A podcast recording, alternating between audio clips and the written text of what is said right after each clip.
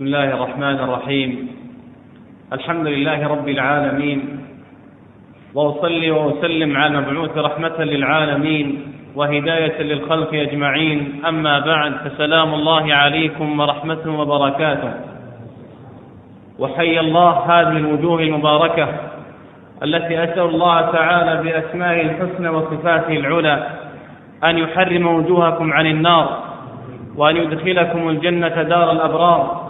إنه عزيز غفار.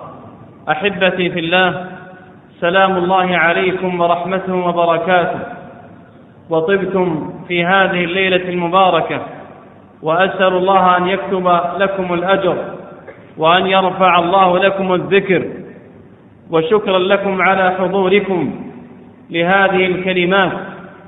وإن دلت إن دل حضوركم وتجشمكم لهذا اللقاء وجلوسكم في هذه الدقائق لهذا الموضوع الهام إنما هو دليل على أن الأمة قد وعت وتنبهت وأدركت أنه قد أحاط بهم العدو من كل جانب. لذا كان لزاما عليهم أن يحققوا أسباب النصر والتمكين في الأرض حتى تكون العزة للمؤمنين والذلة والصغار على الكافرين. هذا التجمع وهذا اللقاء وهذه اللحظات هي من بشائر الخير الذي يدل على أن الأمة قد تنبهت واستيقظت من غفلتها وقامت من رقدتها فهي تريد أن تسمع لتطبق تسمع بقلبها قبل أن يصل إلى أذنيها.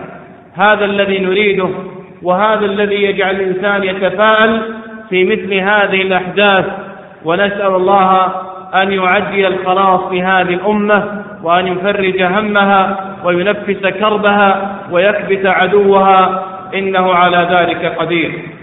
أحبتي في الله إن الواقع الذي تعيش الأمة لا يخفى على الكثير من الناس. واقع مر تذوب له الأحشاء وتتفطر له الكبود. هذا الواقع الذي تعانيه الأمة هو واقع مريض. أن اتجهت إلى الإسلام في بلد تجده كالطير مقصوصا جناحاه لمثل هذا يذوب القلب من كمد إن كان في القلب إسلام وإيمان. أن اتجهت إلى ديار الإسلام تجد هناك آهات وصرخات تجد هناك أشلاء ورؤوس مقطعة وأيد ممزقة. ونفوس قد سكبت دماؤها وأهينت حتى وصلت وصل بنا الحال إلى أمر لا ترضاه النفوس المؤمنة وتأباه القلوب الحية. هذا الواقع الذي نعيشه. هل يستطيع الإنسان من أمثالنا أن يغيره؟ هل يمكن أن يكون للإنسان المسلم الآسيوي أو الأفريقي أو العربي أو غيرها هل يستطيع أن يكون لهم أثر في واقعه؟ أم أن القضية عالمية وهي قضايا سياسية لا يمكن لعامة الأمة أن يكون لهم أثر في الميدان وأن يكون لهم تغيير في واقع الحال؟ هل هذا الكلام صحيح؟ أقول لا. إن عامة الأمة بيدها الكثير رجالا ونساء صغارا وكبارا بيدهم الكثير ويستطيعون ويستطيعون أن يغيروا الواقع الذي يعيشون فيه حتى تنتقل الأمة من غبرائها لتصل إلى عليائها وتنتقل من مؤخرة الركب إلى محل الصدارة والريادة إلى الأمام. نعم أنت تستطيع وبيدك الكثير. لكن نحتاج منك همة عالية وعزيمة ماضية وتصميم أكيد على تغيير الواقع الذي تعيشه الآن. هذا الذي نريد أيها الإخوة وإلا سبل النصر والتمكين في الأرض قد بينها الرحمن ووضحها القرآن. ما بقي على الإنسان إلا, إلا أن يبادر إلى هذه الأسباب. وأقسم بالذي لا يحلف بغيره أننا سنتمكن من عدونا. ونمرق أنفهم في التراب بإذن الواحد الديان. فهل أنتم مستعدون لفعل الأسباب النصف والتمكين في الأرض؟ أم أن الأمر لا يعدو أن يكون سماعا في الآذان؟ فإذا خرجنا من هذا المكان أصبح الأمر نسيا منسيا. وأقول بإذن الله تفاؤلا واستبشارا بأننا ما جلسنا في هذه الدقائق ولا مكثنا في هذه اللحظات إلا لإدراكنا وإيماننا بأنه لا بد أن نغير من واقع حياتنا وأن نكون أسودا كما كان أصحاب رسول الله صلى الله عليه وسلم حتى يكتب لنا النصر والتمكين على الكافرين. أيها الإخوة في الله وأيتها الأخوات من يتأمل نصوص القرآن والسنة فإنه يجد أنهما قد بينا الدور المطلوب والعمل المرغوب الذي لا بد أن يحققه أن يحققه كل مسلم ومسلمة على هذه الأرض حتى ينصر دين الله تعالى. وقبل أن أذكر هذه الأسباب وتلك الأمور لا بد أن ننبه إلى بعض التنبيهات. التنبيه الأول لا بد أن نعلم أننا قادرون على هذه الخطوات التي سنذكرها. ولا يقول قائل أني لا أستطيع أن أفعلها بل الجميع يستطيع أن يفعلها. ولن أذكر إلا ما يستطيع الجميع فعله. كل واحد منا يستطيع أن يفعله وأن يسعى في تحقيقه. ولنتدخل في قضايا لا تهم عامة الأمة بل سأذكر ما يتعلق بنا كشعوب مسلمة. وهذا الذي يهمنا في هذا الوقت أن يعتى الإنسان بهذه النفس التي بين جنبيه. ثانيا إن لم يبادر كل واحد منا إلى فعل هذه الأسباب.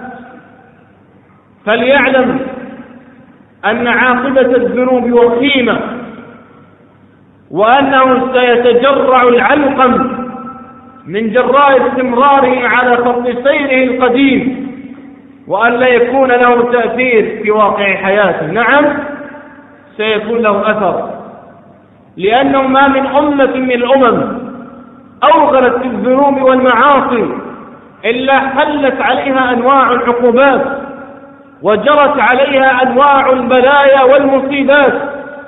اقرأوا التاريخ إذ فيه العبر ظل قوم ليس يدرون الخبر. كم من أمة من الأمم السابقة عاقبها الله تعالى بسبب ذنوبها وشهواتها. اقرأ التاريخ اقرأ كتاب الله تعالى. وانظر إلى تلك القرى التي أهلكها الله تعالى بسبب ذنوبها ومعاصيها. ماذا ذكر الله تعالى عن قوم سبأ؟ تلك القرية التي أنعم الله عز وجل عليهم بنعم عظيمة وآلاء جسيمة لكن ما شكرت الله عز وجل. لقد كان لسبأ في مسكنهم آية جنتان عن يمين وشمال. كلوا من رزق ربكم واشكروا له. بلدة طيبة ورب غفور. لكن ماذا فعلوا تجاه هذه النعمة؟ فأعرضوا فأرسلنا عليهم سيل العرض. وبدلناهم بجنتيهم جنتين ذواتي أكل خمر وأكل وشيء من سدر قليل. ذلك جزيناهم بما كفروا بسبب كفرهم. ذلك جزيناهم بما كفروا وهل نجازي إلا الكفور. وذكر الله تعالى في سورة النحل قرية كانت حمقاء خرقاء. أنعم الله عليهم بالنعم وأسبغ عليهم من آلائه لكنهم ظنوا بكبريائهم أنهم قادرون على كل شيء. ضرب الله مثلا قرية كانت آمنة. ونحن في أمن يا إخوة. مطمئنة ونحن في طمأنينة. يأتيها رزقها رغدا من كل مكان. ونحن في هذا البلد يأتينا الرزق من كل مكان. لكن هل شكر الله شكر, شكر الله عز وجل؟ فكفرت فكان الجواب في كلمتين. فأذاقها الله لباس الجوع والخوف بما كانوا يصنعون. بما كانوا يصنعون. ولذلك أحبتي في الله احترسوا من ذنوبكم أشد من احتراسكم من عدوكم. كما أوصى عمر بن الخطاب سعد بن أبي وقاص رضي الله عنه في معركة القادسية حينما قال له إنكم لا تقاتلون عدوكم بقوتكم ولا بكثرتكم. ولكن تقاتلون عدوكم بأعمالكم الصالحة. فإن أحسنتم انتصرتم وإن أسأتم غلبتم. واحترسوا من ذنوبكم أشد من احتراسكم من عدوكم.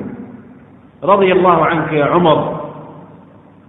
لقد أوتي فهما ثاقبا وعرف أن ما نؤتى من قبل أنفسنا نحن. من قبلنا نحن ليس من قبل الأعداء. الكثير منا يضع اللوم على الأعداء وأقول الأعداء ليسوا بشيء. والله ليسوا بشيء. إذا حققنا أسباب النصر وتركنا الذنوب سننتصر عليهم. ومن شك في هذا الأمر سيحرم النصر. لأن الله أخبرنا ووعد الله صدق. إن تنصروا الله ينصركم ويثبت أقدامكم. فهل نشك في وعد الله عز وجل؟ هل نشك في قدرة الله عز وجل؟ هل نشك في عهد الله عز وجل؟ من أقوى من الله؟ من أعظم من الله عز وجل؟ مهما أوتي البشر من قوة فلن يأتوا كقوة الله عز وجل. ولله جنود السماوات والأرض وما يعلم جنود ربك إلا هو إلا هو سبحانه وتعالى. أيهما أكرم أنتم أم أصحاب رسول الله صلى الله عليه وسلم؟ لا سواء بيننا وبينهم. ومع ذلك عاقبهم الله تعالى بسبب ذنب واحد وواحد فقط. في معركة أحد عندما تقابل الصفان والتقى الجيشان أمر النبي صلى الله عليه وسلم الرماة أن يكونوا على السل وألا يتحركوا منه سواء انتصرنا أم انهزموا في المعركة. وشدد عليهم الرسول صلى الله عليه وسلم في هذا الأمر. فجلس أميرهم عبد الله رضي الله عنه في مكانه. فكانت الدائرة في أول معركة للمسلمين. فلما رأى الرماة أصحاب رسول الله صلى الله عليه وسلم يأخذون الغنائم قالوا لماذا لم نسابق فنأخذ الغنائم مع أصحابنا وإخواننا؟ قال الأمير أما تعلم أمر رسول الله صلى الله عليه وسلم لكم؟ ألم يقل لا تتحركوا من مكانكم حتى لو تخطفتنا الطير فأبوا إلا أن يذهبوا. فلما ذهبوا أتى خالد بن وليد رضي الله عنه قبل إسلامه وأحاط بهم؟ ثم بدأ يعمل بهم قتلا. حتى قتل في تلك المعركة سبعين من خيار أصحاب رسول الله صلى الله عليه وسلم. ولذلك سائلوا من أين جاءهم هذا البلاء؟ أنزل الله تعالى آية تخبرهم من أين جاءهم هذا البلاء. أولما أصابتكم مصيبة؟ قد أصبتم مثليها. قلتم أن هذا من أين جاءنا هذا القتل؟ قل هو من عند أنفسكم. إن الله على كل شيء قدير. وما أصابكم من مصيبة فبما كسبت أيديكم. تسلط العدو علينا أيها الإخوة والأخوات. إنما هو بسبب ما نحن عليه. ما نحن عليه من تفريط في جنب الله عز وجل. وتخلف عن أوامر الله وانتهاك لمحارم الله. سبب هذا التسلط الغاشم الظالم من دول الكفر على أمة الإسلام وأذاقوها ألوانا من الذل والهوان. أحبتي في الله ما هي الخطوات التي إذا فعلناها علت الأمة من غبرائها ووصلت إلى عليائها؟ ما هي الخطوات العملية التي نستطيع والنفوس الآن متعطشة لفعل الأسباب لنقل الأمة من مؤخرة الركب إلى محل الصدارة والريادة. هل هناك أسباب معينة؟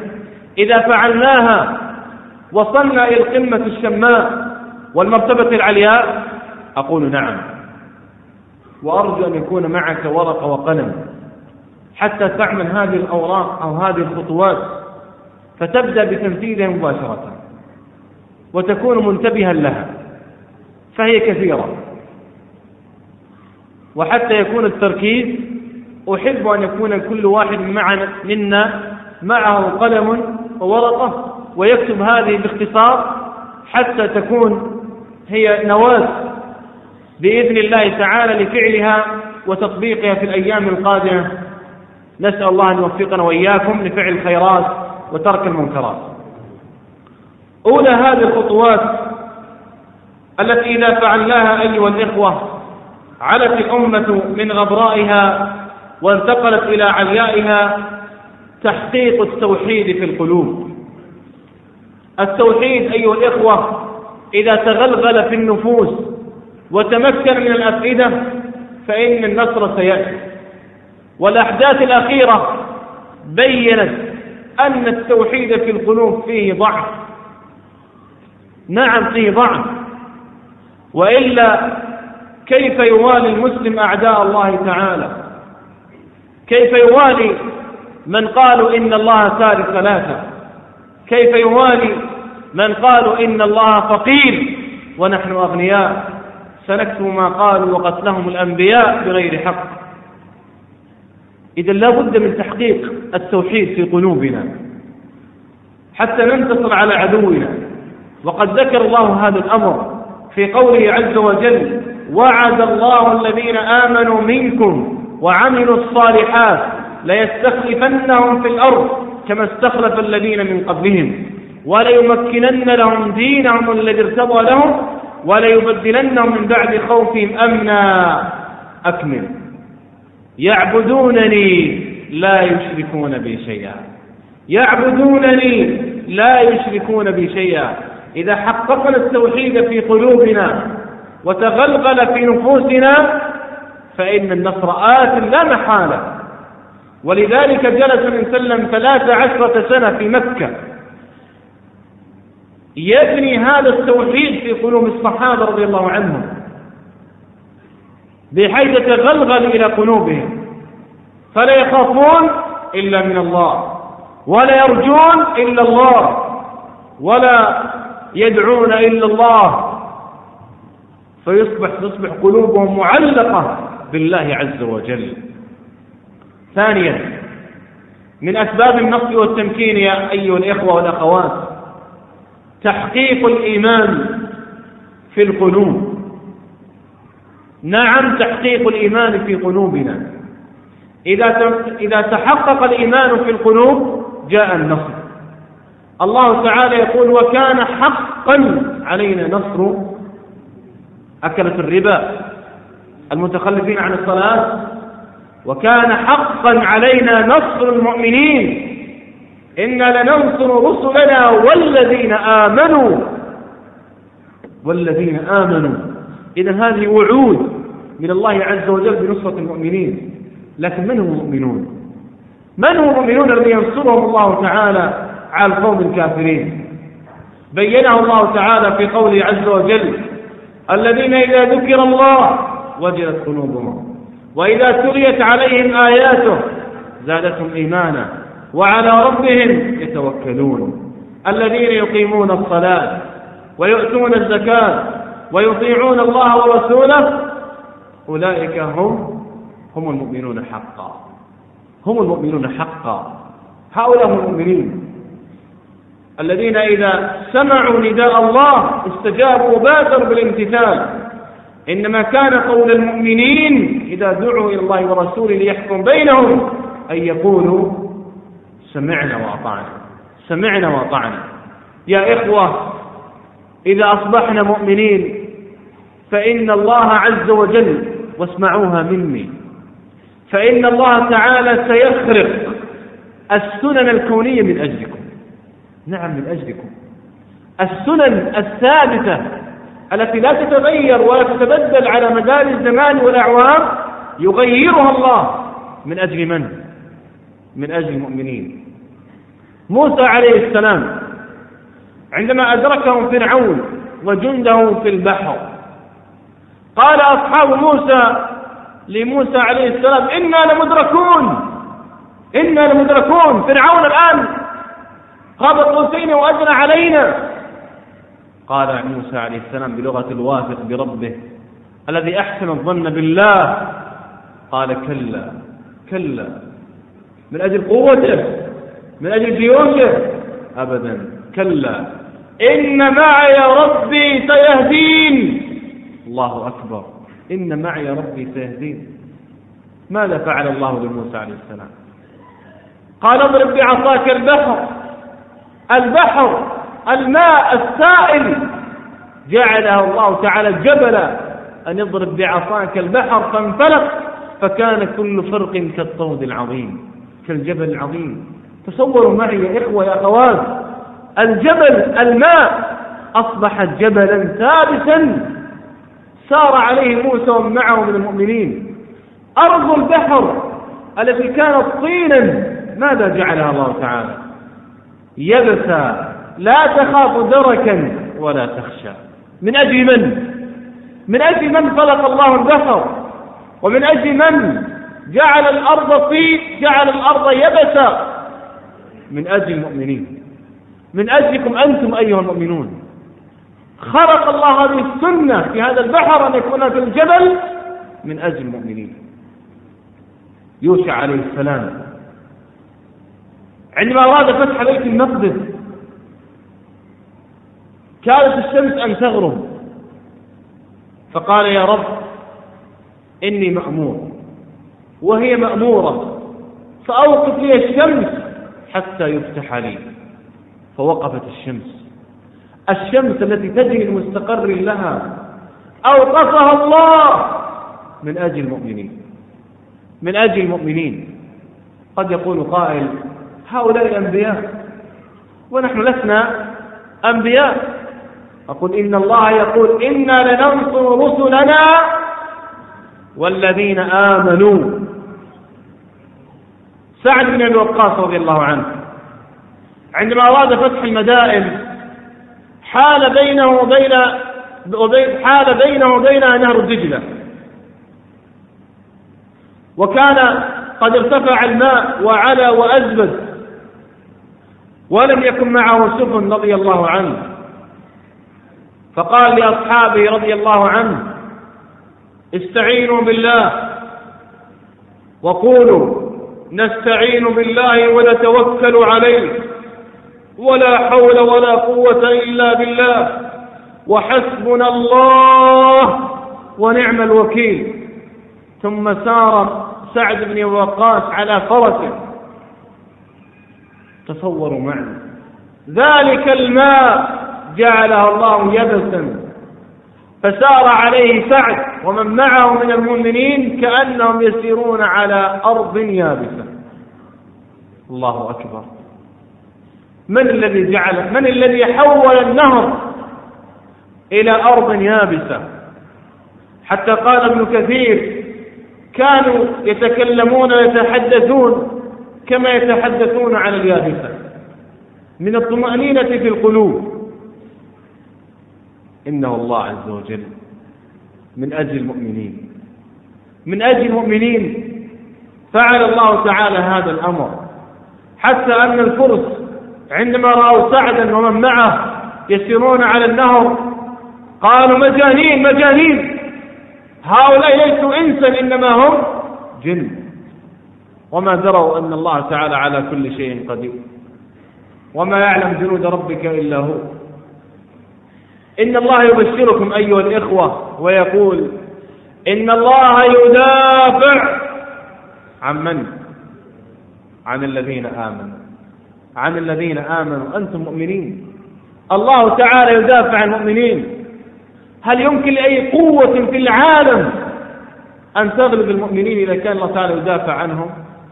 من كان الله معه لم يغلب. من كان الله معه لم يهزم لكن السؤال هل نحن مؤمنين؟ اسأل نفسك. واسأل نفسك هل نحن مؤمنين حق الإيمان؟ إذا كنا مؤمنين فأبشروا. وأملوا خيرا. فإن الله تعالى إذا وعد صدق. ومن أصدق من الله قيلا. ومن أصدق من الله حديثا. ثالثا من الأشياء المطلوبة أيها الإخوة لتحقيق النصر. التوبة والرجوع إلى الله عز وجل. كلنا خطاء وكلنا عنده ذنوب. فلا بد أن نتوب.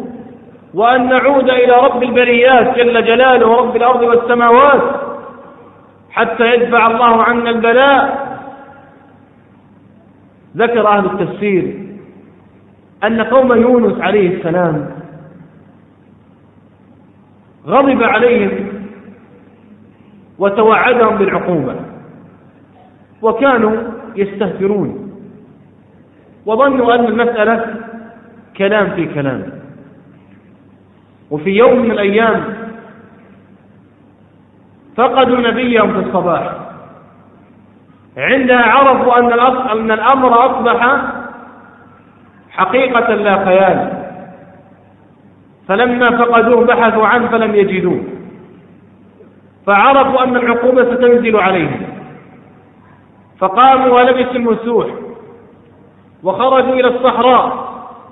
وفرقوا بين البهيمة وأبنائها والنساء وصبيانها. ثم ضجوا إلى الله بالبكاء والندم والتوبة. حتى قال قتادة فعلوا ذلك أربعين يوما. فلما علم الله منهم صدق التوبة كشف الله عنهم العقوبة. ورفع الله عنهم العذاب. يقول الله تعالى إلا قوم يونس لما آمنوا كشفنا عنهم عذاب الخزي في الحياة الدنيا ومتعناهم إلى حين. يقول بعض السلف ما نزل بلاء إلا بذنب ولا رفع إلا بتوبة. فهل نتوب؟ هل نتوب يا إخوة من التأخر عن الصلاة؟ هل نتوب من قطيعة الأرحام؟ هل نتوب من عقوق الوالدين. هل نتوب من أكل الربا؟ هل نتوب من النظر إلى الحرام أو سماع الحرام؟ لا بد من التوبة حتى ننتصر على عدونا. ونتمكن من رقابهم بإذن الله تعالى. رابعا كثرة الاستغفار. كثرة الاستغفار من أسباب الانتصار. والسلامة من العقوبات الإلهية لأن الله تعالى يقول وما كان الله ليعذبهم وأنت فيهم وما كان الله معذبهم وهم يستغفرون. يستغفرون. كم مرة تستغفر الله يا أخي؟ وكم مرة تستغفرين الله تعالى يا أخي؟ نبيكم صلى الله عليه وسلم يستغفر الله تعالى في اليوم والليلة. في المجلس الواحد في المجلس الواحد مئة مرة. وأنت وأنت كم تستغفرون الله تعالى؟ إذا كان هذا في وقت السلم فماذا يكون في وقت الحرب والأزمات؟ أليس من المفترض أن يكون الإنسان أكثر استغفارا وعودة إلى الله عز وجل؟ ألم تعلموا أن من أسباب القوة سواء كانت قوة في الأبدان أو قوة على الطاعة كثرة الاستغفار؟ يقول الله تعالى ويا قوم استغفروا ربكم ثم توبوا إليه يرسل السماء عليكم مدرارا ويزدكم قوة إلى قوتكم. يزدكم قوة إلى قوتكم ولا تتولوا مجرمين. لا تتولوا مجرمين. فأكثر يا أخي ويا أختي من الاستغفار. حتى يفتح الله علينا أبواب فضله وكراماته ويفتح علينا نصره وتحل علينا النعم ويندفع عنا النقم بإذن الله تعالى. خامسا من أسباب النصر والتمكين في الأرض كثرة الأعمال الصالحة. تذكرون أيها الإخوة والأخوات عندما نزل الوحي على رسول الله صلى الله عليه وسلم بادئ ببدء في غار حراء. وقال جبريل عليه السلام لرسول الله اقرأ. قال ما أنا بقارئ. قال اقرأ. قال ما أنا بقارئ. قال اقرأ. قال ماذا أقرأ؟ قال اقرأ باسم ربك الذي خلق. إلى آخر الآيات. بعد خرج خرج النبي صلى الله عليه وسلم خائفا فزعا يرجف فؤاده. مسرعا إلى خديجة رضي الله عنها. فلما دخل عليها قال زملوني زملوني. أي غطوني بالثياب غطوني بالثياب. فزملته وغطته خديجة رضي الله عنها. فلما هدأت نفسه وسكن قلبه قال لها إني خشيت على نفسي إني خشيت على نفسي.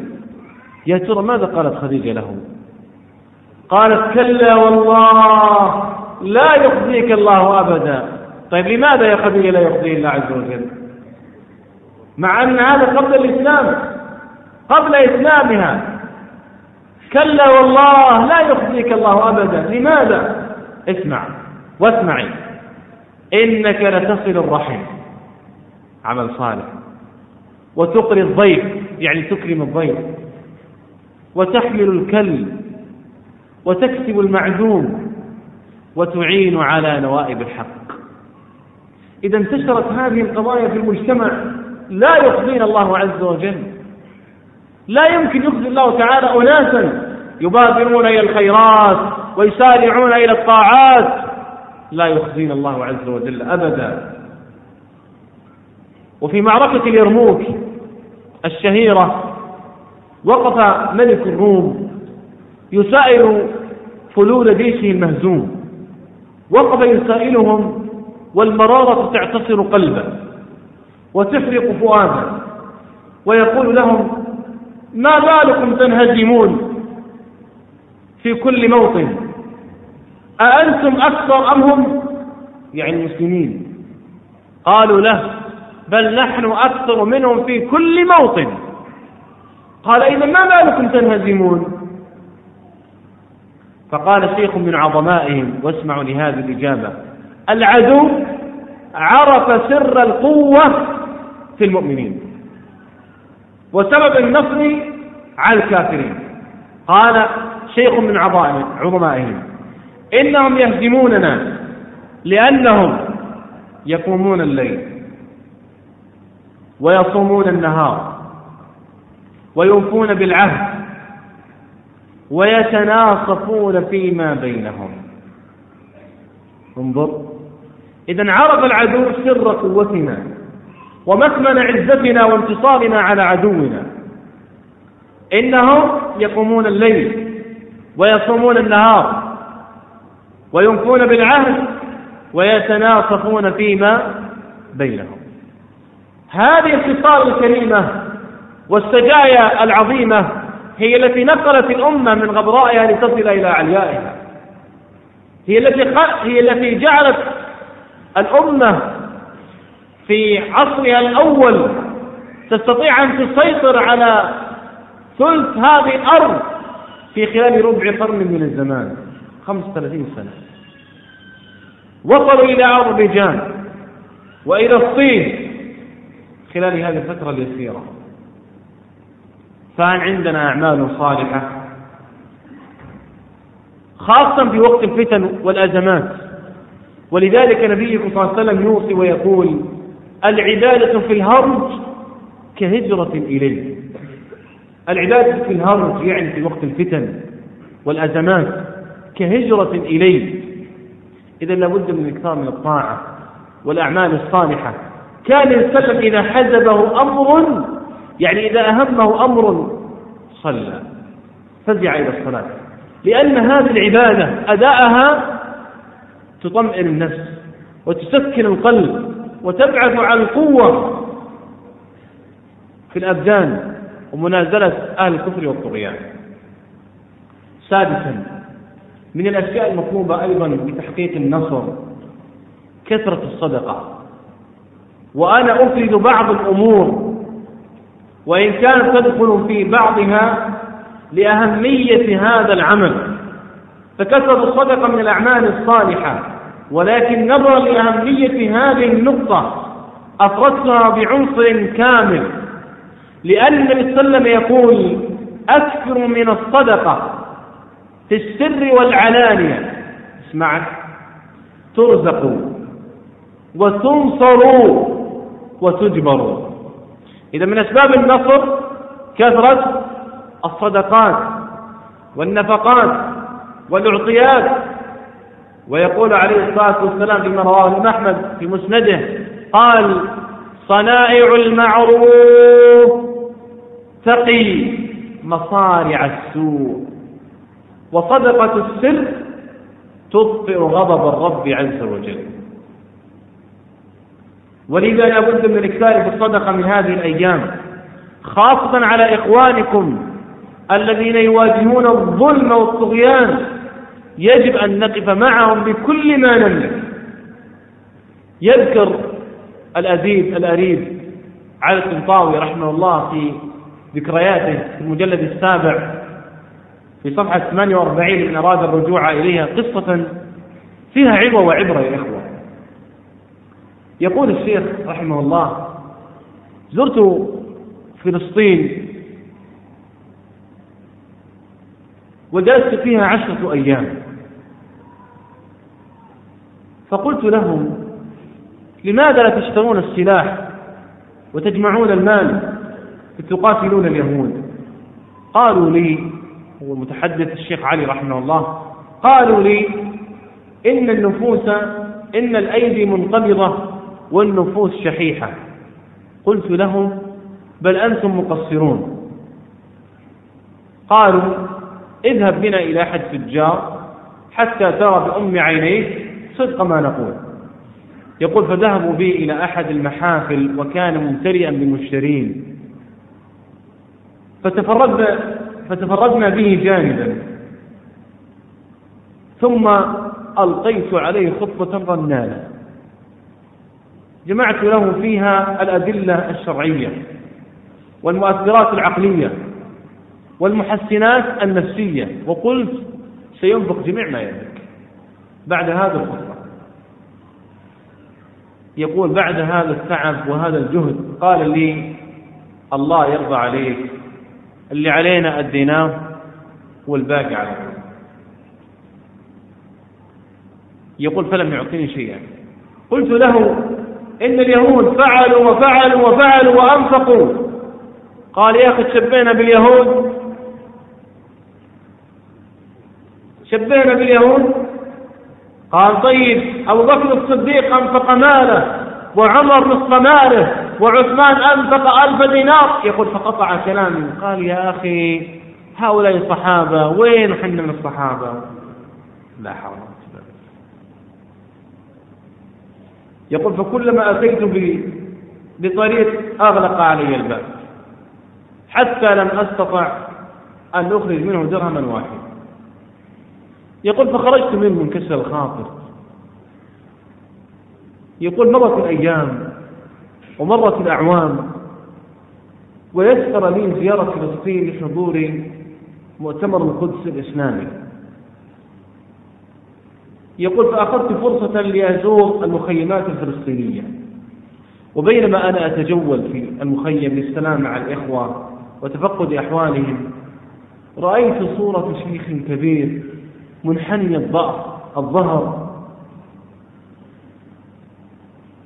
فلما أمعنت النظر فيه بدأت الذكريات تعود إلي وحاولت أن أتذكره. فلما رآني طأطأ رأسه الأرض ثم دمعت عيناه. فتطفلت وذهبت إليه. فلما نظرت إليه وكأنه فهم مني سر هذه الدمعات التي تساقطت قال لا تتكلم ليس لي. أن الله وفقني لأنفق نصف مالي حتى يسلم النصف الآخر. ولكن ذهب كل شيء. أخذ اليهود كل ما أملك أخذ المصنع والمنزل والأرض وما بقي إلا الصحة والثقة بالله تعالى وأنا أسكن في خيمة أنا وهذه العجوز وطفلين صغيرين. فهل نعتبر يا إخوة هل نأخذ من هذه القصة عظة وعبرة؟ أم ننتظر أن يكون الدور علينا؟ وأن نكون نحن الضحايا؟ وأن يقال وأن يقال علينا كما قيل في المثل أكلت يوم أكل الثور الأبيض. فالسعيد كما قال ابن مسعود من وعر بغيره. كذلك سابعا من الأشياء المطلوبة لتحقيق النصر على الأعداء كثرة الدعاء. أيها الإخوة والأخوات أيهما أكرم أنتم أم رسول الله صلى الله عليه وسلم؟ أظن هذا السؤال ما يليق أن يطرح. لأنه لا مقارنة بينه وبين الرسول صلى الله عليه وسلم. أزكى البشرية وخير البرية صلى الله عليه وسلم. ومع ذلك ما قال أنا رسول الله أنا محمد بن عبد الله أنا مؤيد من قبل السماء. وترك الدعاء أبدا أبدا. بل كان عليه الصلاة والسلام من أشد الناس تضرعا وإخباتا لله عز وجل. في معركة بدر الكبرى. رأى النبي صلى الله عليه وسلم أن أن الكفار كان عددهم يقارب الألف وعدد المسلمين ثلاثمائة وبضعة عشر رجلا. هل نام تلك الليلة؟ هل قال أنا منصور وأنا مؤيد من قبل السماء؟ لا. جلس النبي صلى الله عليه وسلم ليلة كاملة رافعا يديه إلى السماء يدعو يا رب اللهم إن تهلك هذه العصابة لا تعبد في الأرض اللهم أنجزني ما وعدتني اللهم أنجزني ما وعدتني حتى سقط رداءه من على كتفيه من شدة مناجته لربه عز وجل. فأتى إليه أبو بكر الصديق وأخذ الرداء ووضعه على كتفيه وقال يا رسول الله بأبي أنت وأمي كفاك مناشدتك ربك فإن الله منجز لك ما وعدك. إن الله منجز لك ما وعدك. فلما دعا النبي صلى الله عليه وسلم ربه استجاب الله دعاءه. وأنزل الله تعالى آية في القرآن إذ تستغيثون ربكم فاستجاب لكم أني يمدكم بألف من الملائكة. فلماذا لا ندعو الله تعالى؟ والله تعالى يقول هل من داع فأستجيب له. هل من سائل فأعطيه. من منا أيها الإخوة والأخوات استشعر خطورة الواقع الذي تعيش الأمة. فقام في الثلث الأخير من الليل. يدعو المليك الغفار على أولئك الكفار ويسألهم أن يحل أمرهم في وباء.